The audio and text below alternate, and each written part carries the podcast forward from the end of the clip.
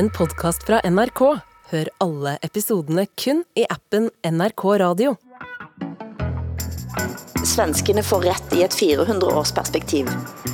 Om jag går till ett badhus så vill inte jag dela duschrum med Ibi Pippi.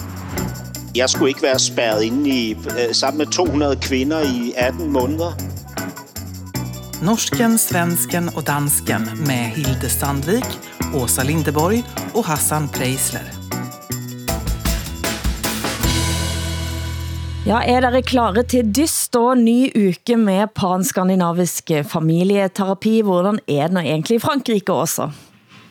Eh, ja, jag har lämnat eh, Marseille. En timmas bilväg bort så är något litet kustby som heter Bandol. Det Okej. säkert, vet säkert flera vad det är, för jag visste ju inte vad det var innan vi åkte hit. Det är ett ställe för människor med väldigt mycket pengar. Eh, Det är väldigt tråkigt här. Det är dyrt här. Det är um, gamla Hvorfor människor. er du der da, for, for å si Nej, det men vi ut? ville ner till havet och vi ville se vad det var. Och vi åker lite på vinst och förlust. Det kan ju bli både bra och dåligt. Det är det som är spännande, att bila Ja. genom Europa. Men eh, ja, så, så har jag det. Hur har ni Var är ni någonstans? Hassan, hvor befinder du dig? Der er jo ikke noget nyt. Altså, det, det er jo jer to damer, der, der rejser rundt i verden og rapporterer nye, interessante steder fra. Jeg, jeg sidder jo præcis foran den samme reol, som jeg gør uge efter uge. Men når I fortæller om jeres øh, rejseoplevelser, så kan jeg jo tænke tilbage på min fortid, hvor jeg rejste. Øh, blandt andet til Sydfrankrig. Jeg var nede i min mors hus i en lille by, der hedder Asil, mellem Narbonne og Carcassonne. Mm. Og så tog jeg en dag bilen ned til havet, og pludselig så stod jeg i sådan en by med en masse huse, som står på pæle, helt mm-hmm. ud til vandet. Mm. Og den by kunne jeg huske et sted fra, og det var fra den film, den franske film, som hed Betty Blue. Åh, oh, Ja, ja, det. selvfølgelig. Ja, ja, ja. ja, ja. Og, og, og, og jeg var jo st- stormende forelsket i Betty Blue i et helt årti. Ikke? Så jeg, jeg gik rundt her for, øh, nogle, for, for få år siden i, øh, og, og genoplevede sådan en ungdomsforelskelse. Oh, jeg blev jo deprimert av Betty Blue. Hvor er du? Jeg sitter, jeg sitter i et, et stue og er fuldt av bygningsstøv inne på øjnene mine, så jeg ser næsten ingenting. Jeg er i mit eget hjem. Jeg Du er har i dit ikke- eget hjem? Ja, jeg er i mit Nej, eget hjem. fantastisk, Hilde. Hvordan er det? Nej, det er jo sådan, det er det jeg prøver at sige, det er grusomt, for jeg har hverken noe, jeg har ikke noe køkkengulv, Eh, det er bygningsmaterial overalt, det er sikkert soppsporer i luften.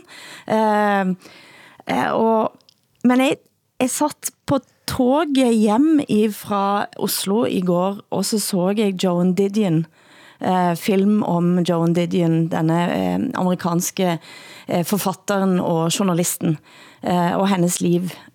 Og Åh, det Den er var, på Netflix, det var noe eller hur? Ja, det er på Netflix, og det Ja. var noe med at sitte, eh, sitte og gli over disse viddene, som, som jo er turen mellem Oslo og Bergen, og se, se ind i denne direkte sorgen.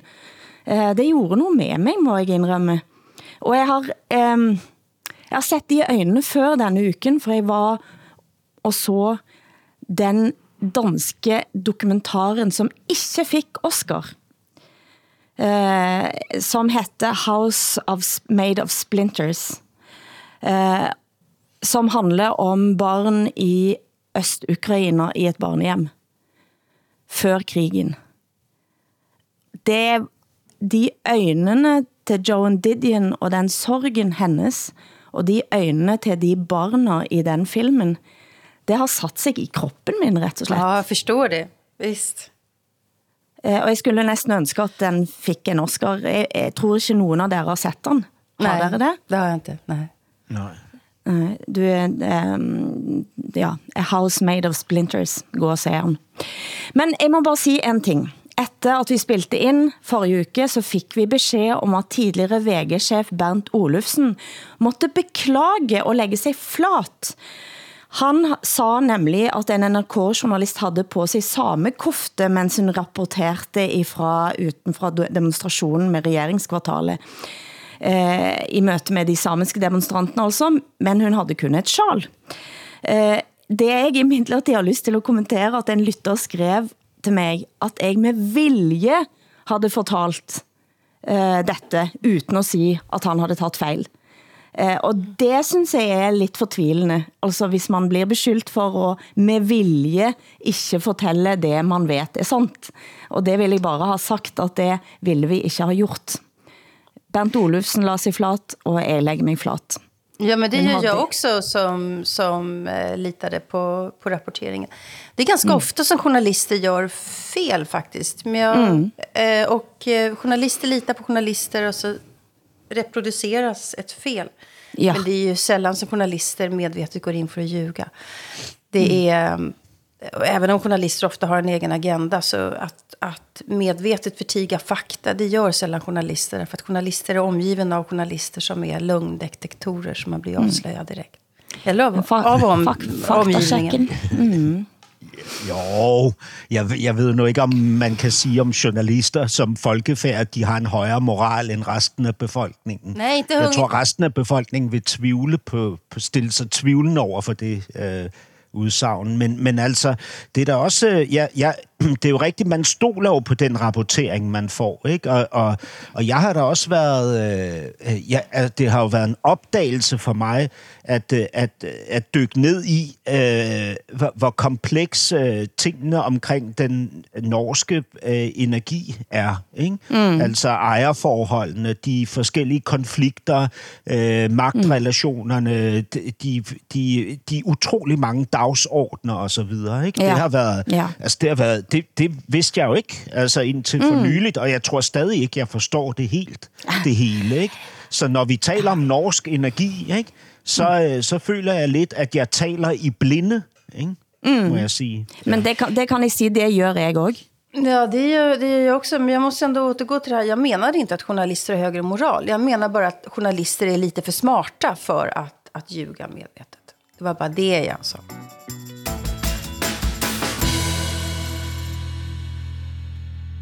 Mette Fredriksen, den danske statsministeren, var ikke inviteret med, da svensk statsminister forrige uke inviterte Finlands president og Norges statsminister til nordisk møte. Sveriges nye statsminister Ulf Kristersson inviterte de tyngste politiske store storvektere til diskussion om sikkerhedspolitik og støtten til Ukraina og samarbeid mellem de tre land. Men Mette Fredriksen var altså ikke invitert med. Og hvorfor det kan man eh, lure på. Eh, fordi møtet handler om Nordkalotten var en av forklaringene, men jeg har min egen forklaring. Og jeg, eh, men jeg vet ikke, hvad tænker du Hassan, hvorfor var ikke danskene med på dette møte? Øh, det, det er klart, det bliver gætværk, ikke? Men, men altså, øh, når jeg læser artiklerne om, om den her, det her fænomen, altså at Danmark ikke er inviteret med, så står der jo hver gang, at, øh, at Danmark blev ikke inviteret, eller omvendt, Danmark bød sig ikke til. Ikke? Det vil mm. sige, Danmark har øh, måske undladt at udtrykke sin interesse for at deltage i det her Jamen altså, måske i, i en bredere forstand i det nordiske fællesskab. Ikke? Og, og da, da vores udenrigsminister Lars Løkke for i januar var oppe og besøge sin kollega i Stockholm, så talte han jo også om, at der har været en tendens til at tage det nordiske samarbejde for givet. Altså, mm. at ikke investere øh, nok i det, og det vil han så begynde på. Men men det tegner jo så ikke øh, til, at det kommer til at gå så meget anderledes, end det egentlig altid har gjort, ikke? Øh, hvor man oplever, at, øh, at, at den norske nordiske interesse er den største, ikke? Den svenske er, er hvad hedder det, lidt mindre, og den danske er helt klart mindst, ikke? Øhm, og det er, hvad hedder det, jeg, jeg synes jo pers- personligt, at det, det er stupidt og skandaløst, altså, og, og jeg, øh, jamen, altså, jeg bliver fortvivlet over, at Mette Frederiksen hellere vil være i Ægypten end, end mm. sammen med sine nordiske kolleger. Ikke? Åsa, hvad tænker du? Nej, men jag tänker väl att eh, både Skandinavien och Norden är ju en historisk konstruktion. Eh, men jag tänker när vi pratar om skandinavi, skandinavister och så, Så jag tänker, jag har väldigt lite, väldigt svagt förhållande till Färöarna, till Grönland. Danmark mm. vet ingenting om Finland. De flesta danskar har aldrig mm. varit i Finland och så vidare. Och eh, om jag var dansk skulle jag kanske också titta mer neråt Frankrike, Tyskland. Vad händer där? Eh, och känna här, här hänger vi ihop med kontinenten. Någonstans kan jag förstå eh, det danska ointresset för oss som bor norröver i den här konstellationen. Samtidigt så är det väldigt tråkigt, för jag tror ju att vi måste ha ett starkare samarbete. Mm. Eh, inte för att vi har hört ihop historiskt bara, utan för sådana sentimentaliteter är inte så intressanta för mig. Utan för att vi är, vi är länder som, på, som liknar varandra väldigt mycket, som förstår varandra mm. väldigt mycket och har gemensamma intressen. Og det er jo netop det, at uh, vi forstår jo hverandre, som vi sit, kan sitte her og snakke, og jeg kender jo jeg tar det jo personligt, det er jo lidt specielt, men jeg tar det faktisk personligt, denne desinteressen. Eh, og jeg har snakket med flere de sidste dagene, blandt andet eh, en som eh, med stor kunskap om utenrikspolitik, eh, veldig stor kunskap kan jeg sige, som siger, det er ingen hemmelighed, at det er danskene som læner sig minst ind i det nordiske samarbejde, at danskene har en tendens til at mm, ja, smutte under når, når det passer.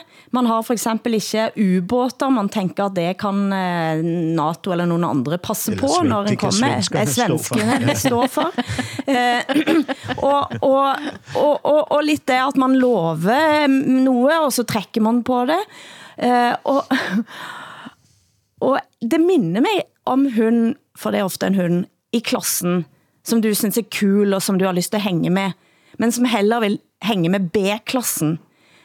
Men som kommer når du har bagt kake, liksom. Så, er det, hvis du er det, er det, bagt kake, så er, er det Mette Frederiksen, du uh, peger Det er Dan Danmark. Og, og etter en stund, altså en, etter en stund, så synes du ikke at hun er så kul likevel. Og det er det jeg lurer på, Mulf Kristersson og gjengen har tænkt. Pludselig så tænker man, det er ikke så kult likevel. Men jeg tror jo, at vi kommer til at behøve hverandre mye mer. Eh, og jeg læste et eh, intervju interview her om dagen i danske politikken med tidligere utenriksminister for Singapore, Georg Yeo, om at Vesten om at begynde at vende eh, oss til, at vi ikke har hegemoni i verden længere. Og han snakker om den såkaldt multipolare verden, som vil udfordre små land som Danmark og Singapore. Men så siger han, Danmark er nødt til at bekende sig til Europa. For det er en grænse for hvor selvstændige I kan opføre jer. Og da bliver jo jeg også sådan, ja, Danmark må vende sig mot Europa, men altså for oss i Norge, så er jo Danmark også proppen ind i Europa på mange måter.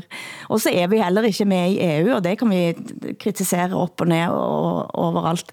Men, men jeg, får, jeg får lidt... Um, ehm, uh, eh, jeg synes, det er svært ubehagelig at se den manglende interessen, som Danmark har for sine søsken i nord. Og jeg synes, det er, jeg synes heller det ikke er så stilig, må jeg indrømme.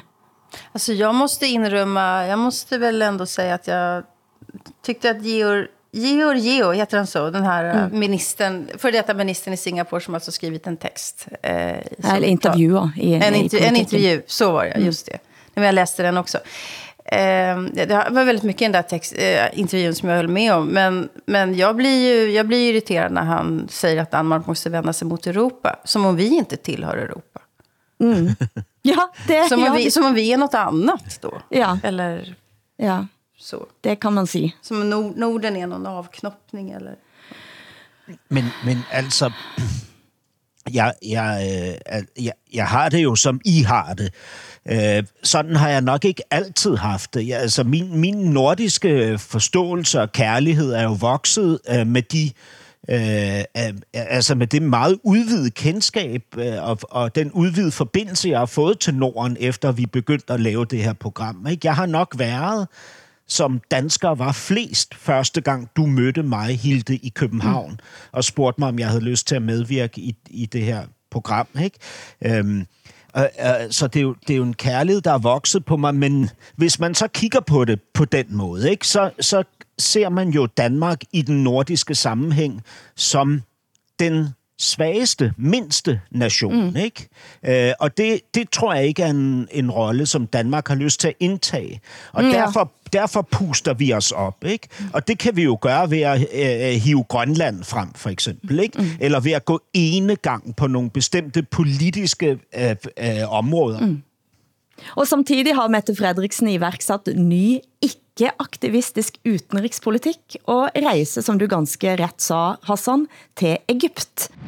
Vi danskere, vi europæer virkelig bliver nødt til at forstå, det er, at resten af verden ikke nødvendigvis ser på Europa øh, på den samme måde, som vi selv gør, og vi har behov for at bygge nogle stærkere, øh, nogle nye alliancer op, skaffe os flere partnere for at snakke med både president og statsminister og stor imam, uten et ord om eh, de nordiske værdierne, kan man sige, eller menneskerettigheder, eller hvad det måtte være.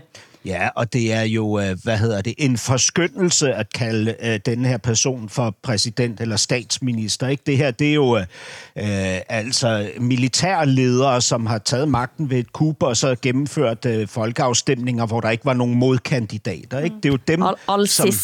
Ja, mm. det er jo dem, som, som, som den danske regering nu øh, øh, har besluttet at indlede samarbejder med, ikke ud fra en, en ekstremt øh, pragmatisk og meget lidt idealistisk øh, øh, et, et syn på verden. Ikke? Og det Øh, ja, det, det er noget helt nyt. Jeg har ikke set det før, og, og, og der, der falder jo også nogle ret spændende udtalelser i det her øh, i den her sammenhæng, øh, hvor Mette Frederiksen siger, at når der er et rum for magtudfoldelse, som den ene part ikke udfylder, så er der nogle andre, der gør det. Og så mm. siger hun, ligesom Rusland ikke vil Europa det godt, i Europa skal vi heller ikke regne med, at Rusland vil os det godt på det afrikanske kontinent.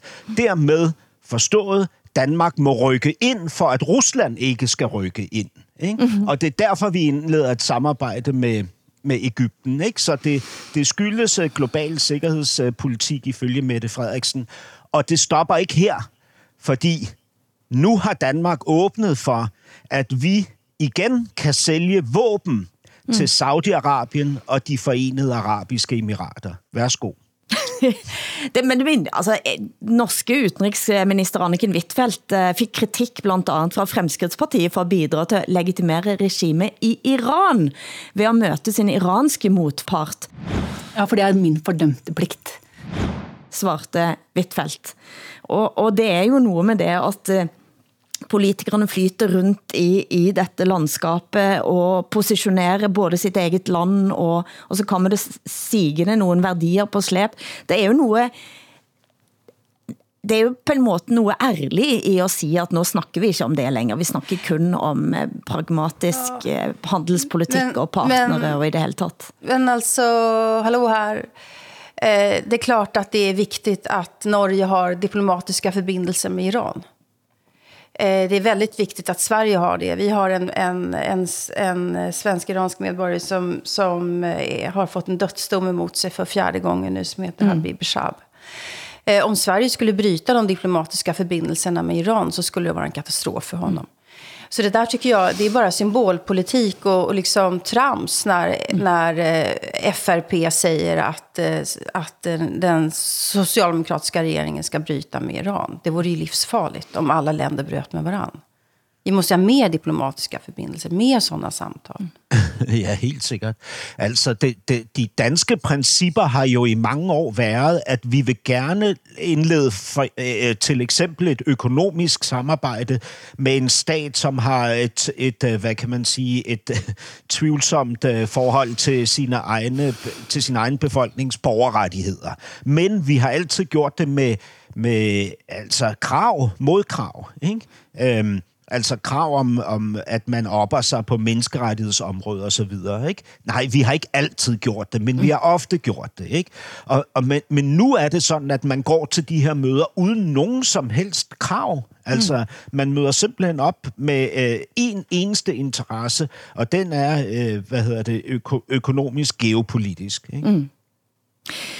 Denne uken havde jeg tidligere danske statsminister Helle thorning Schmidt på scenen under eksportkonferencen i Oslo. Ja. Det hun var optaget av at sige til folk som satt i salen som var eksportører, var at det er i, det er i, i deres bedrifter at tilliten kan være høj. Eh, men hun snakker også om eh, hvordan nå, ja selvfølgelig, eh, Rusland positionerer sig, men også hvordan Kina nå har møter i Midtøsten, og, og det var ikke Kina møtte Saudi-Arabia her om dagen for eksempel. Altså det er, vi er på vej ind i den såkaldte multipolare verdensorden, om vi liker det eller ikke. Og det er kanskje derfor jeg også tænker, at her i Norden bør vi være sammen. Vi bør være sammen. Gud, Ja, helt klart. Ja. Ja, ja. Men, men, men hvis vi snakker om eh, dette, Åsa, det pågår jo eh, på høj aktivitet, med høj aktivitet pågår diskussionen om Sverige og NATO. Eh, Det ser ikke så lyst ut akkurat nå. Men hvilke spil er det nu egentlig i Tyrkia? Men også Rasmus Paludan, denne koranbrænderen som er svensk-dansk, har vi lært nå, indgår i. Vi snakker om mulige russiske koblinger fra han til Wagner-gruppen. Det påstår i alle fall TV4's program Kalle Fakta. I en, et program som ingen av oss har sett, fordi det er ikke ute endnu, mens vi spiller ind dette. Ja. Men vad, vad, har, vad, vad är, hvordan ser dette ut än Ja. så länge? Ja, det blev två, två frågor på en gång. Dels svenska NATO-ansökan, hur den ligger till med Turkiet, men sen också Paludan. Ja, alltså TV4s Kalla fakta menar sig visa att Rasmus Paludan har kopplingar till Wagnergruppen genom att han, Den russiske Wagner-gruppe. den ryssiska Wagnergruppen som djävulen själv skulle jag uttrycka mig om dem. Eh, De, eh, alltså I Ryssland så finns det en, ett, ett, en motsvarighet till Facebook som heter, kan ju inte jag ryska, men V-kontakter kanske. Eh, och där så ska Paludan ha ett konto. Han förnekar det själv. Eh, men om det är hans konto så har han där då vänskapsförbindelser med sex män som tillhör Wagnergruppen. Eh, det, det är vad Kalla fakta påstår. Jag har ännu inte hunnit titta på det här programmet för det släpptes precis nu när vi sitter och pratar, pratar om det. Eh, det, här, är- det här är ju intressant därför att eh, när vi pratar om yttrandefrihet och alla vi tre har ju försvarat Rasmus Paludans rätt att bränna koraner, det gör jag fortfarande. Mm. Då kan man ju fråga sig varför bränner han koraner? Är det för att han har en, en politisk agenda som är någonting annat än att bara manifestera yttrandefrihet? Och att hetsa mot muslimer? Är det också att han, att han ideologiskt hör hemma med Ryssland? Eh, det intressanta här är ju ändå att, att oavsett vilka intentioner han har så, så när han bränner de här jävla koranerna så, så manifesterar han yttrandefriheten för alla oss som tycker att den är viktig. Så sån snurr, liksom, sån twist är det ju på den här frågan, trots allt. Ja, altså man, man kan sige, han, han har jo ikke reelt den ytringsfrihed længere. Han kan jo hverken i Norge, Sverige eller Danmark brænde Koranen. Altså han bliver jo nægtet at, at demonstrere, som han ja. kalder det dagligt, øh, mm. også i Danmark. Ikke? Ja. Øh, så, så hans øh, ytringsfrihed, hvis vi skal kalde det det, så øh, den er jo ekstremt indskrænket. Mm. Og så må jeg sige, historien er, er skrøbelig i mine ører. Ikke? Altså, øh, må- måske er det hans profil, måske er det ikke. Hvis det er hans profil på, øh, altså på, på det her russiske sociale medie, og han er ven med seks øh, medlemmer af Wagner-gruppen. Altså, jeg, jeg, jeg har 5.000 venner på Facebook. Jeg ved ikke, hvem de er alle sammen. Altså, jeg har intet begreb om det. Jeg har ikke faktatjekket alle øh, 5.000 af mine venner. Mm. Jeg har jo endnu flere følgere. Øh, det kan jo godt være, at de er islamister, nogle af dem. Det kan være, at de er øh, hardcore højreorienterede. Jeg ved, jeg, jeg ved det jo ikke. Altså, måske er de, er de endda krigsførende, nogle af mine øh, venner. Øh, Ja. Sådan har jeg det også. Det er derfor jeg ser frem til, hvad de egentlig har fundet ud. Jeg regner med, at de har fundet ud noget mere, end at de er perifere venner. Venner, er, hvad er det slags begreb i dette sociale medie? En av de ser jeg er i hvert fall optaget av eh, å påvirke valg eh, i, altså utenfor Rusland. Altså det og, og propagandaen, den russiske propagandaen. Og det er jo interessant at se. Altså jeg er jo, ingen, jeg er jo ikke i tvil om at alle denne typen konflikter brukes i det russiske eh, både for å, altså, for, å, for å splitte og herske. Men, Men hvor, hvorvidt eh, Rasmus Paludan selv da har en aktiv rolle i det, og hvorvidt han er en, om han er en brikke, eller om han er en påvirker, det er jo vanskeligt at sige. Ja, nej men eh, alltså alla, alla sådana här manifestationer, man, man hänger en Erdogan-docka upp och ner som, som i Sverige eller bränner koraner och så här. Det tjänar ju naturligtvis Putin på, men, men som Dagens Nyheter skrev en fantastiskt bra text, ledartext häromdagen, att yttrandefrihetens pris, den kostar. Och det här är priset och det får man betala. Så, eh, och, det är bara att stå ut med det helt enkelt. Men, men det er jo lige præcis sådan noget, der, Åsa, som du beskriver her, ikke? Hvor, hvor vi oplever vores nationer lige nu være spændt til bristepunktet, ikke? på grund af nogle store, øh, hvad kan man sige, sikkerhedsmæssige behov og en frygtpræget ensretning i samfundet. Ikke? At vi så har vores institutioner, mm. som er tvunget til at stille sig på den øh, allermest omkostningstunge side, ikke? Mm. Den idealistiske side, altså den side, der beskytter borgerrettighederne, ikke? Det er jo fantastisk. Altså, det er jo det, der er, hvad hedder det, den historiske, traditionelle styrke i nationer som vores, med alle de fejl, vi har, så i øvrigt har, ikke? Fordi vores nationer består af, af, af, af mennesker, ikke? Altså, med, med, og det, og det, det, det gør mig, altså, jeg, hårene rejser sig på mine arme, hvis du fortæller mig, Åsa, at, at, at man i Sverige kommer til at gribe ind og stoppe regeringens, hvad hedder det, interesser, nationens interesser mm. for at beskytte et enkelt menneskes ret til at ytre sig. Det er mm. sådan, det skal være, øh, mm. efter min overbevisning. Mm. Ikke? Norske Penn opnævnte Salman Rushdie til æresmedlem denne uken. Bravo. Ja, men det, Det trodde jag han var jeg för var- länge sedan. Nej. Nej, æresmedlem, altså det, det er særmedlem av Norske Penn, det har han ikke været. Aha! Oh, wow! Ja, Og det, og det blev jeg glad for, Ja, ja, ja. må jeg indrømme. Gud, ja. Gud, ja. Norsk Penn er altså den norske afdelingen av Penn International, verdens største skribent- og ytringsfrihetsorganisation. Bra. Nå, Åsa, NATO. Ja, alltså det, det krånglar fortfarande med svenska NATO-ansökan eftersom eh, Turkiet fortfarande säger nej och eh, säger att Sverige har inte alls uppnått alla de här kraven som Turkiet har ställt. Några timmar efter att Erdogan sa det så säger Ungern att de tänker inte heller godkänna den svenska NATO-ansökan. De, de drar tillbaka det de just hade sagt. Och vad de lägger i vågskålen här, eller potten, det är att de vill få slut på sanktionerna mot Ungern som ju, som ju inleddes med anledning av att Ungern skaffade sig en ny hbtq-lagstiftning. Mm.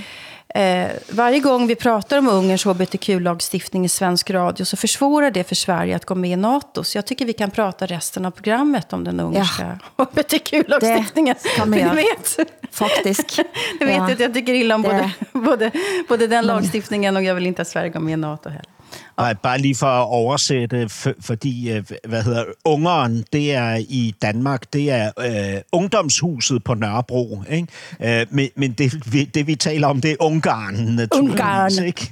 Ungarn, heter det så? Ungarn. Det er det også i Norge, kan jeg sige. Ungarn. Ungarn, ja. Mm. Men, men Ungarn. Åsa, har, har mm. Sverige ligesom været en aktiv del i, at øh, Ungarn fik indefrosset de her øh, mange milliarder på grund af deres øh, illiberale øh, øh, hvad hedder det, lovforandringer? Mm. Absolut. Att- ja, ja. Sverige var, Sverige var drivande där. Jag ska också säga, för den okej. som inte vet vad den här uh, Ungerns hbtq-lagstiftning går ut på, så är det alltså att man får inte prata om transpersoner och inte prata om homosexualitet så att någon under 18 år kan höra. Och det betyder att man kan inte prata om det i skolundervisningen, man kan inte prata om det i journalistiken därför att någon under 18 år kan höra. Eh, Man kan inte prata om sådana här frågor i det offentliga rummet därför att det finns alltid någon under 18 år som kan höra. Och det här betyder alltså att transpersoner och hbtq, eller att eh, homosexuella, eller hela den här regnbågsflaggan, den finns inte i Ungern. Det här är ett sätt att, att tiga ihjel den. Men, for det- det er jo vildt. Ja. Altså, det, det er jo så, kan man sige, det er jo payback back time nu til Sverige, ikke? For at have været hvad det, politisk aktiv i forhold til Ungarns øh, politik. Men det er jo netop, det er jo netop i dette bildet, jeg også mener, at vi må stå sammen i de liberale demokratierne i nord eh, og vite hvad vi snakker om. Fordi det er jo netop dette denne tidligere ministeren fra Singapore siger, når han siger at de, disse værdierne, som dere har haft i Vesten, nu kommer det til at blive stadig flere muslimer i verden. Kina kommer til at stille, spille en mye vigtigere rolle. Der er eh, India spiller en vigtigere rolle. Eh, Midtøsten kan spille en anden rolle. Så dere må på en måte bare nå indse, at de værdierne, dere har kommet på bordet med, de kommer ikke til at gælde længere. Og da mener jo jeg, at der er særlig nogen værdier her, som vi har snakket om nå, som vi må stå, vi må stå op for. Altså, tænk, altså jeg, jeg, jeg ser ikke noget alternativ. Du hører norsken, svensken og dansken. Mens folk betaler kassen, som det heter på dansk, for strøm, håver energiselskabene ind. Millioner, millioner av bonusser har gått altså til eh, det er de danske energiselskaber, som det danske skatteministeriet nå ser ganske frustreret på. Eh, Det er nok så surt og bittert, Hassan. Ja, det må man sige. Altså, vi, vi, vi slider med at betale vores øh, strømregninger i Danmark, ikke på grund af de stigende priser. Og så viser det sig, at tilsynet med, med elforsyningen har sovet i timen, ikke? Og, og ikke udfører nogen som helst form for kontrol, på trods af af en, af en kæmpe direktion og hundredvis af ansatte. Ikke? Vi, vi ser, at der bliver udbetalt enorme bonusser til, til øh, øh, ledende, øh, men også menige medarbejdere i de her øh, øh, energiselskaber. Ikke? Altså, øh, her er eksemplet en, en virksomhed, der hedder Power Mart øh, i Aarhus i København har bogført et overskud på 580 millioner. Ikke? Ja. Øh, lønningerne til de 21 medarbejdere løber i gennemsnit op på 5,2 millioner kroner mm. per medarbejder på tværs af alle funktioner. Ikke? Øh, På, på samme måde så er der andre øh, mm. energiselskaber, ikke? Nova Energy Trading og så videre, som, som har de her massive overskud ikke på kontoen mm. øh, i denne her tid, hvor vi åbenbart ikke betaler for en dyrere strøm, men øh, altså også betaler for, at nogle mennesker skal blive ekstremt meget rigere Ja, på de her ja. øh, stigende priser. Ikke? Det är sånt fiasko hela den här eh, elmarknaden. I Sverige så... Den avreglerades 1996. Eh, Först var det Moderaterna som ville göra alltså högern och sen så ville Socialdemokraterna det också. Och då så sa man så här att det skulle öka valfriheten och så skulle det... Man sa så här, det skulle, prisbildningen skulle effektiviseras. Sa man. Det, det är liksom, man lurade folk att det skulle bli, skulle bli billigare. På grund af konkurrence. Ja, precis. Och sen så ser vi, ser vi ju hur det har blivit att priserna har rusat i höjden samtidigt som elbolagen tar ut enorma vinster. Och sen de stora aktörerna som monopolisering av privatägt. Vi har jo i Danmark også haft en liberalisering af, af strømmarkedet øh, for, for nogle år siden. Og jeg, jeg synes jo ikke, at det nødvendigvis er skidt. Jeg er egentlig enig i, at det kan presse priserne. Det kan også give forbrugerne bedre valgmuligheder mm. i forhold til, til at omlægge til, til mere øh, hvad hedder det, klimavenlig strøm hos et mere klimavenligt øh, leveringsselskab. Ikke? Problemet er jo, at vi samtidig med den her liberalisering oprettede nogle enheder, der skulle kontrollere og overvåge ja. markedet. Og de her enheder har åbenbart angiveligt ikke gjort deres arbejde.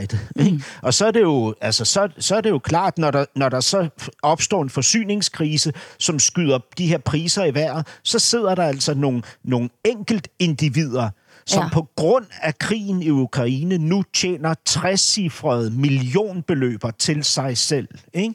På grund af det. Altså, og det er skandaløst. Ikke?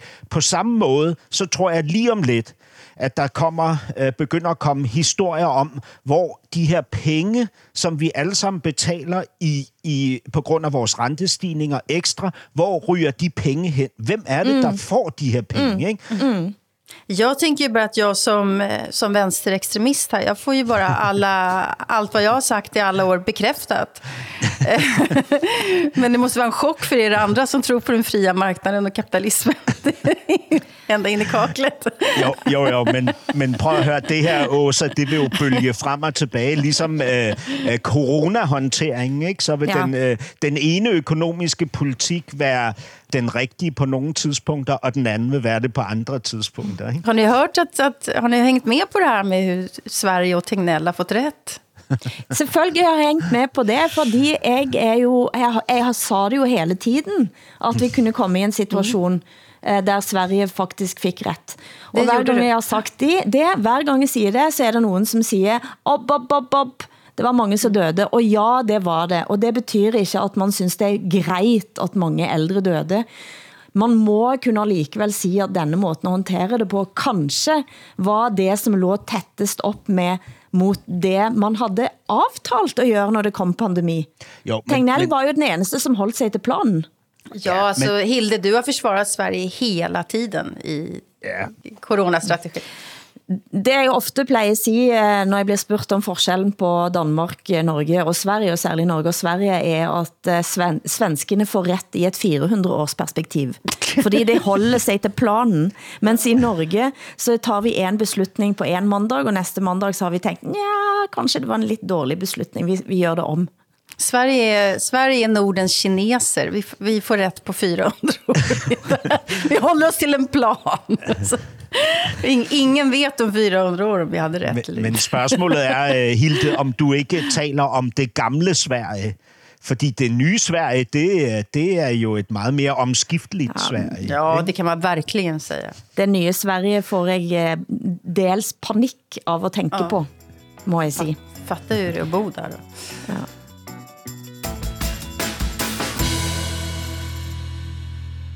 Da Asger Jorn kunstverket Den foruroligende Elling blev udsat for herværk i april sidste år, så fik det skader for rundt 2 millioner kroner. Nå er provokunstneren som stod bak, som kalder sig Ib Pippi Orup Hedegaard, dømt til fængsel og skal betale 1,9 millioner kroner. Jeg er idømt fængsel i et år og seks måneder. Så vidt jeg kan se, så er det ubetinget. Der står ingen steder, at det er betinget. Det, er en, hår- eller det synes jeg er en hård dom, men sådan må det jo være. Hun anke. Det er for det første, så er det jo en ganske høj straf. Et et halvt år, 1,9 millioner kroner. Så ja, hvordan, eh, hvordan diskuteres det i Danmark, eh, Hassan? Jo, altså, øh, i, altså Ibi Pibi, den her kunstner, øh, øh, provokunstner, som jo egentlig gør mange af de samme ting, som, øh, som øh, ja, Asger Jorns øh, samtidige og efterfølgende provokunstner øh, gjorde, ikke? Øh, med, med langt større tilslutning, oplever faktisk ikke den samme sympati omkring sin person. Altså, Ibi Pibi, hun... Øh, bliver øh, betragtet som en, ja, altså en talentløs øh, politisk aktivist fra højrefløjen, tror jeg, af de fleste mennesker. Og derfor ophører man ligesom med at se klart. Ikke? Øh, og det vil sige, at øh, kunstnere, som i øvrigt øh, udstiller deres eget crap-hister her, altså øh, øh, øh, guldfisk i blender, øh, for, øh, øh, rådne svin i montre og sådan noget, de stiller nu op og, og, og kritiserer øh, Ibi Pibi, og er, er på statens side ikke, i den her dom mod Ibi Pibi, som, som jo ifølge sig selv øh, rematerialiserede et, øh, et værk af Asger Jorn, som allerede var en rematerialisering af et ældre værk, ikke? Mm. fordi Asger Jorn malede sit billede oven på et, et, øh, et billede af en tidligere kunstner, ikke? og mm. det var så det samme, som Ibi Pibi gjorde. Uh, Asger Jorn er jo et nationalikon, ikke? Og, mm. og, og han er et nationalikon for, ja, hvad skal vi sige, den herskende klasses øh, øh, gode smag. Øh, Og derfor så piller man jo heller ikke ved Asger Jorn. Øh, så er der jo Men- også det fa- faktum, at han har ødelagt et meget, meget dyrt maleri, ikke? Du sa han nå. han, hun, hun ja. har ødelagt et meget dyrt maleri. Der er Men en grund til, at vi er forvirret omkring det her han, hun. Skal vi ikke lige få afklaret det? Jo, det kan vi gøre. Ja, mm. altså Ibi Pibe har, har fået gennemført et juridisk, men ikke biologisk kønsskifte fra mand til kvinde.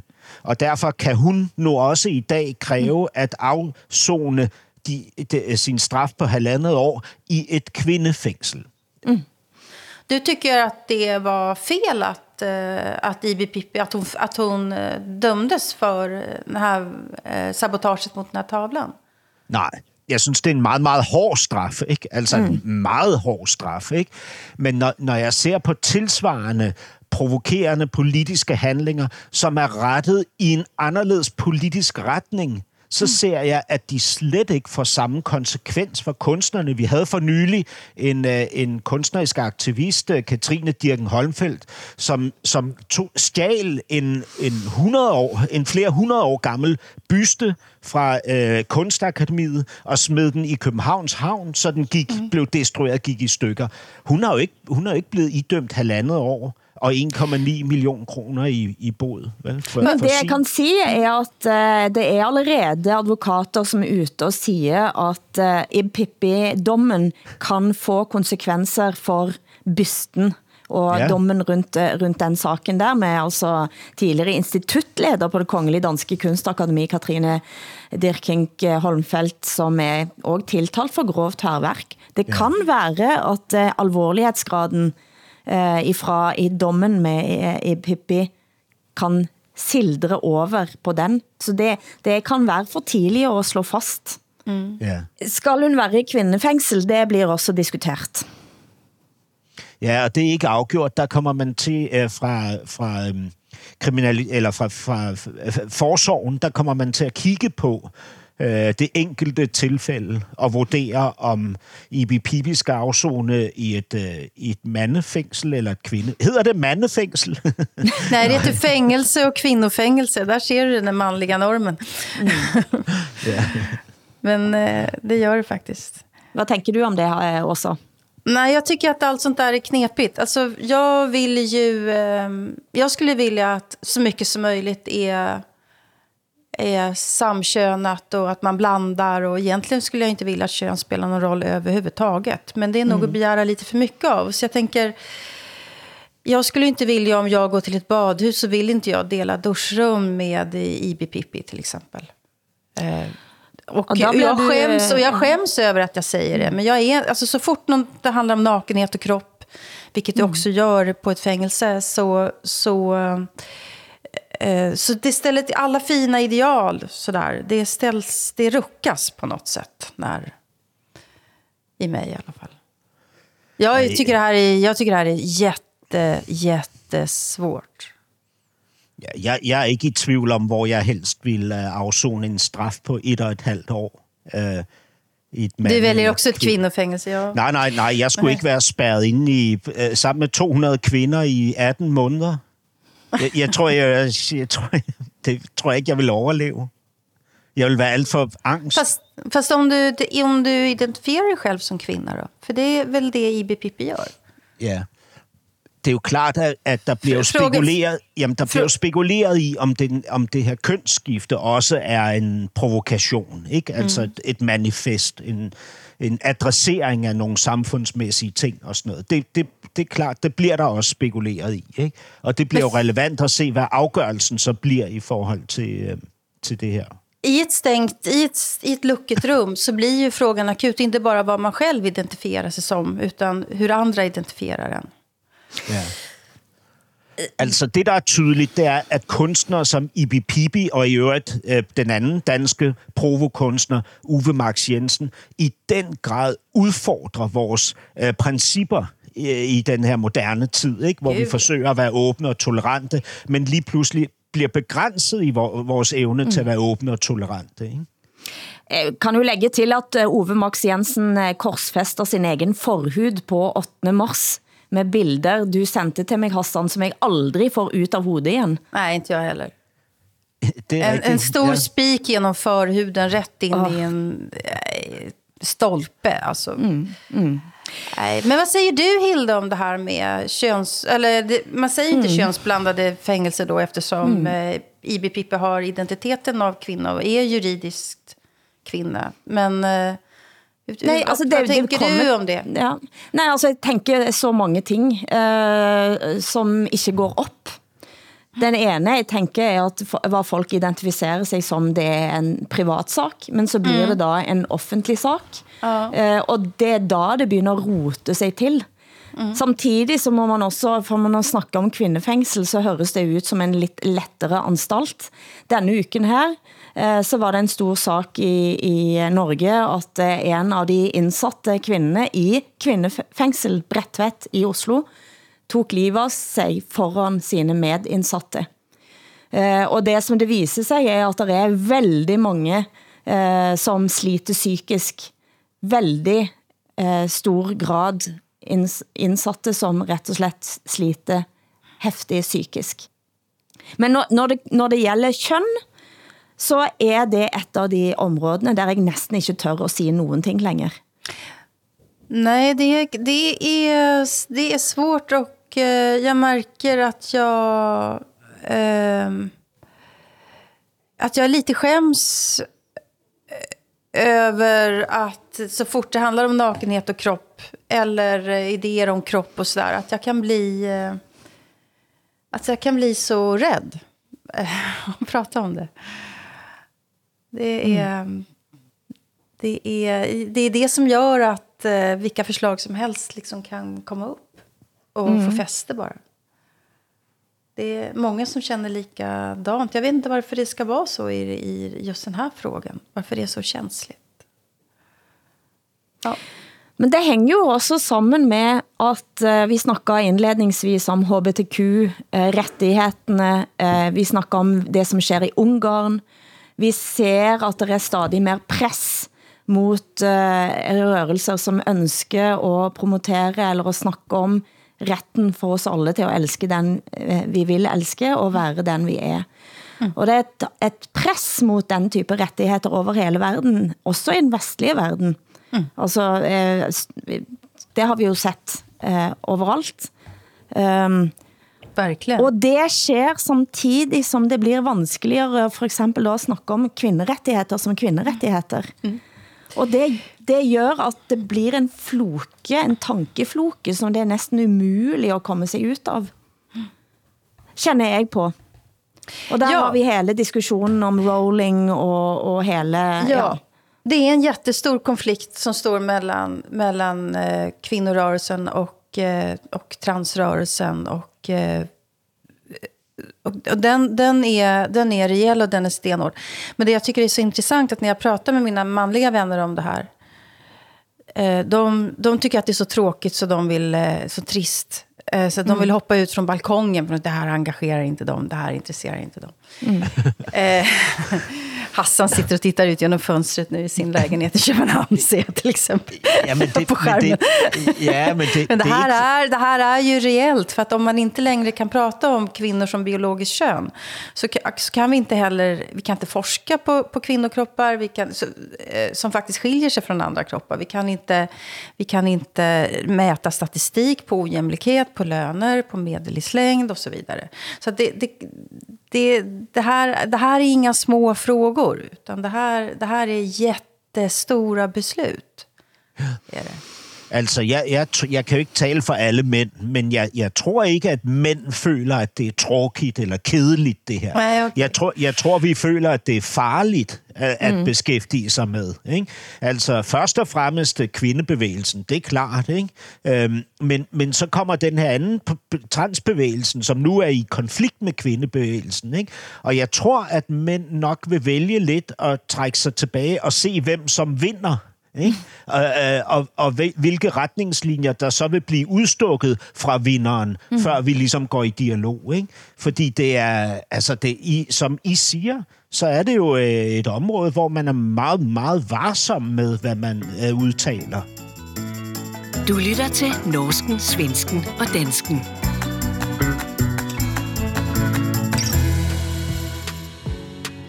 Mens Mette Fredriksen boltrer sig på tur til sin nye partner i Egypt, uden at nævne menneskeretter, så fortsætter Carlsberg og hove ind penger i Rusland. Efter Putins storskala invasion av Ukraina i fjor, så protesterte internationale selskaber ved at trække sig ut av Rusland i et rasende tempo. Men det danske bryggeri Carlsberg, de nølte de sa at de skulle trække sig ut. Men nu viser det sig, at eh, efter at et underskud på 300 millioner i det russiske markedet i 2021, så endte driftsresultatet på 1,9 milliarder danske kroner i 2022. ja. Ja, og man kan stadig købe eh, Carlsberg i kiosker og dagligvarerbutikker i Moskva, for eksempel. Uh, ja, det, det er interessant. Ikke? Carlsberg siger selv, at de har arbejdet benhårdt på at skille sig af med den russiske del af Carlsberg-virksomheden. Ikke? Men, øh, men det er altså ikke lykkedes endnu. Uh, samtidig så, øh, så uh, uh, står Carlsberg jo for 85 procent, 85 procent af ølmarkedet i den kinesiske Xinjiang-provins. Ikke?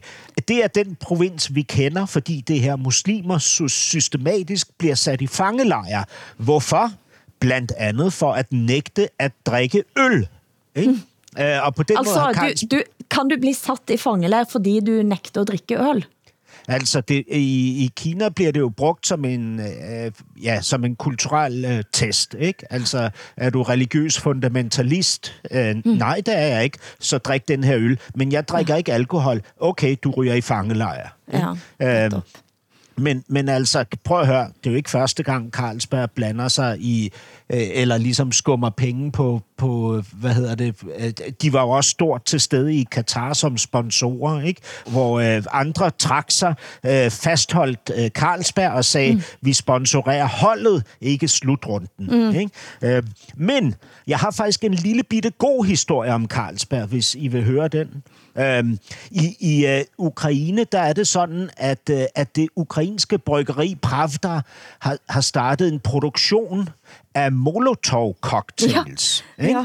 Ja. Uh, og, og der samler de så tusind af, af tomme flasker, tusindvis af tomme flasker ind for at lave de her håndvåben til, til ukrainske borgere. Ikke? Um, og, og der siger uh, altså, uh, hvad hedder det... Um, øh, lederen af bryggeriet, at han har fået en masse ølflasker gratis, blandt andet fra Carlsberg. Ikke? Oh. Så det vil sige, at Carlsberg kanaliserer måske nogle af sine penge fra det enorme overskud i Rusland over i produktionen af molococktails til befolkningen i, uh, i Ukraine. Måste bara säga, jag har aldrig varit i ett land som har sånt äckligt öl som Ryssland. Alltså det ryska ölet Pivo, eller Piva, Pivo tror jag. Det är som en brun, söt sörja. Det, smak, det smakar fruktansvärt. Så, okay. så, så du hejer på, du hejer på Carlsberg nej, i Ryssland, Nej, men alltså, om jag var i Moskva och var tvungen att köpa, välja ett öl så skulle jag välja, välja Carlsberg. Kan jag säga min deciderte yndlingsprogramleder, og dette er rent smisk i Skandinavia, og undskyld alle andre, men det er altså Jonathan Spang eh, tæt på sandheden. Dette danske programmet. Som, satireprogram på, satireprogram, Radio. Ja. ja. Som, jeg, som, jeg, som jeg virkelig elsker. Og han havde en gennemgang i fjor eh, da det var et stor diskussion om hvem som trak sig ut, og hvem som ikke trak sig ut eh, av Rusland. Eh, og der endte det programmet op med en russisk Carlsberg-reklame. Altså, Carlsbergs reklamer, de handler jo om at nogen cykler rundt med en bajer og, og lever et lykkelig dansk liv. Er det ikke sådan, Hassan? Jo, det er jo øh, den meget berømte danske skuespiller Mads Mikkelsen, som er, hvad hedder det, the face of Carlsberg. Ja til enhver tid, og, og nu har Jonathan Spang i, i sit satireprogram lavet en lidt anderledes version af den her person, der cykler rundt og taler om livskraft og fornyelse og hvad hedder det, indhold og så videre. Ja. Alle som lytter hører jo at jeg har prøvet gennem hele dette programmet at fri til denne danske kule jenten i klassen, som heller vil snakke med B-klassen. Dette er mitt forsøg på at lage kake. Jeg har til og med smigret Jonathan Spang. Men hjælper det, Hassan? Kommer det til at hjælpe? Altså, jeg, jeg er slet ikke i tvivl om, hvor øh, Danmark kommer til at ende henne i sin øh, position om, om ret kort tid. Altså, mm. Danmark kommer til at være en meget, meget mere, øh, hvad hedder det, aktiv spiller i det nordiske samarbejde, ikke? Selvfølgelig, det er naturligt. Den udvikling kan slet ikke undgås. Så det, det er bare at være lidt tålmodig med, med vores øh, angst, som enten skyldes vores storhedsvandvid eller mindre kompleks. Og dette passer jo veldig bra, du siger, for næste uke så er det Nordens dag, eh, 23. Eh, mars er Nordens dag, så der kan alle gå ut og fejre og veje sine nordiske flagg. Det blir sidste ord for oss i ukens norsken, svensken og dansken. Vi må selvfølgelig gå ut på denne Carlsberg parodien, eh, som ikke nå er Mats Mikkelsen, men nogen andre. So why do we drink so much beer? Is it because we don't drink vodka? Because of the sanctions? Probably. Producent har været Eskil Paus, tekniker Hans Christian Heide. Tak til Hassan Preisler i København, Åsa Linderborg, en eller anden plads i Frankrike. Jeg heter Hilde Sandvik og sitter i Bergen. Programmet er produceret av både og for Broen XYZ for NRK, SR og DR, der redaktør for programmet er Ole Jan Larsen. Vi høres igen om en uke, og husk at de nye episoderne lægges ut allerede på lørdager i SR Play, DR Lyd og NRK Radio.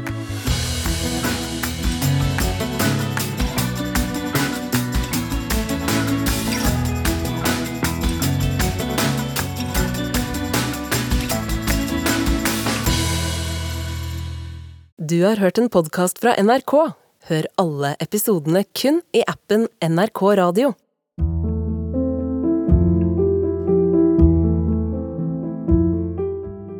Hej, jeg heter Laila Nguyen Engebretsen. Jeg begynte i NRK i Drammen i 2016, og siden begynnelsen har kollegaene mine snakket om en kvinne i området vårt som bare forsvant. Hun hadde ikke med sig noe pass. Eh det er mulig hun tok med sig noen penger, eh, men hun hadde ikke noe ID, hadde ikke noe telefon, hadde ingenting, sånne ting med sig. Ikke noe klær, ingenting. Kvinnen het Belor Sardar, var 29 år gammel og hadde fire små barn. Jeg ville finne ut mer. Jeg har vært hos politiet og bladd i hundrevis av etterforskningsdokumenter, og her har jeg funnet interessante detaljer som aldrig før er blitt fortalt. Og jeg fik kontakt med to av barna hennes, som fortæller for første gang. Jeg tror ikke moren min ville forladt oss, på en måte. Selv om jeg ikke husker noe av moren min, så tipper jeg at hun var glad i meg. Ja, det hadde vært fint hvis de ikke hadde trodd, og at de på en måte hadde visst. Tenk hvis hun ikke er død. Hvor ble det av Belor? Hører du kun i appen NRK Radio.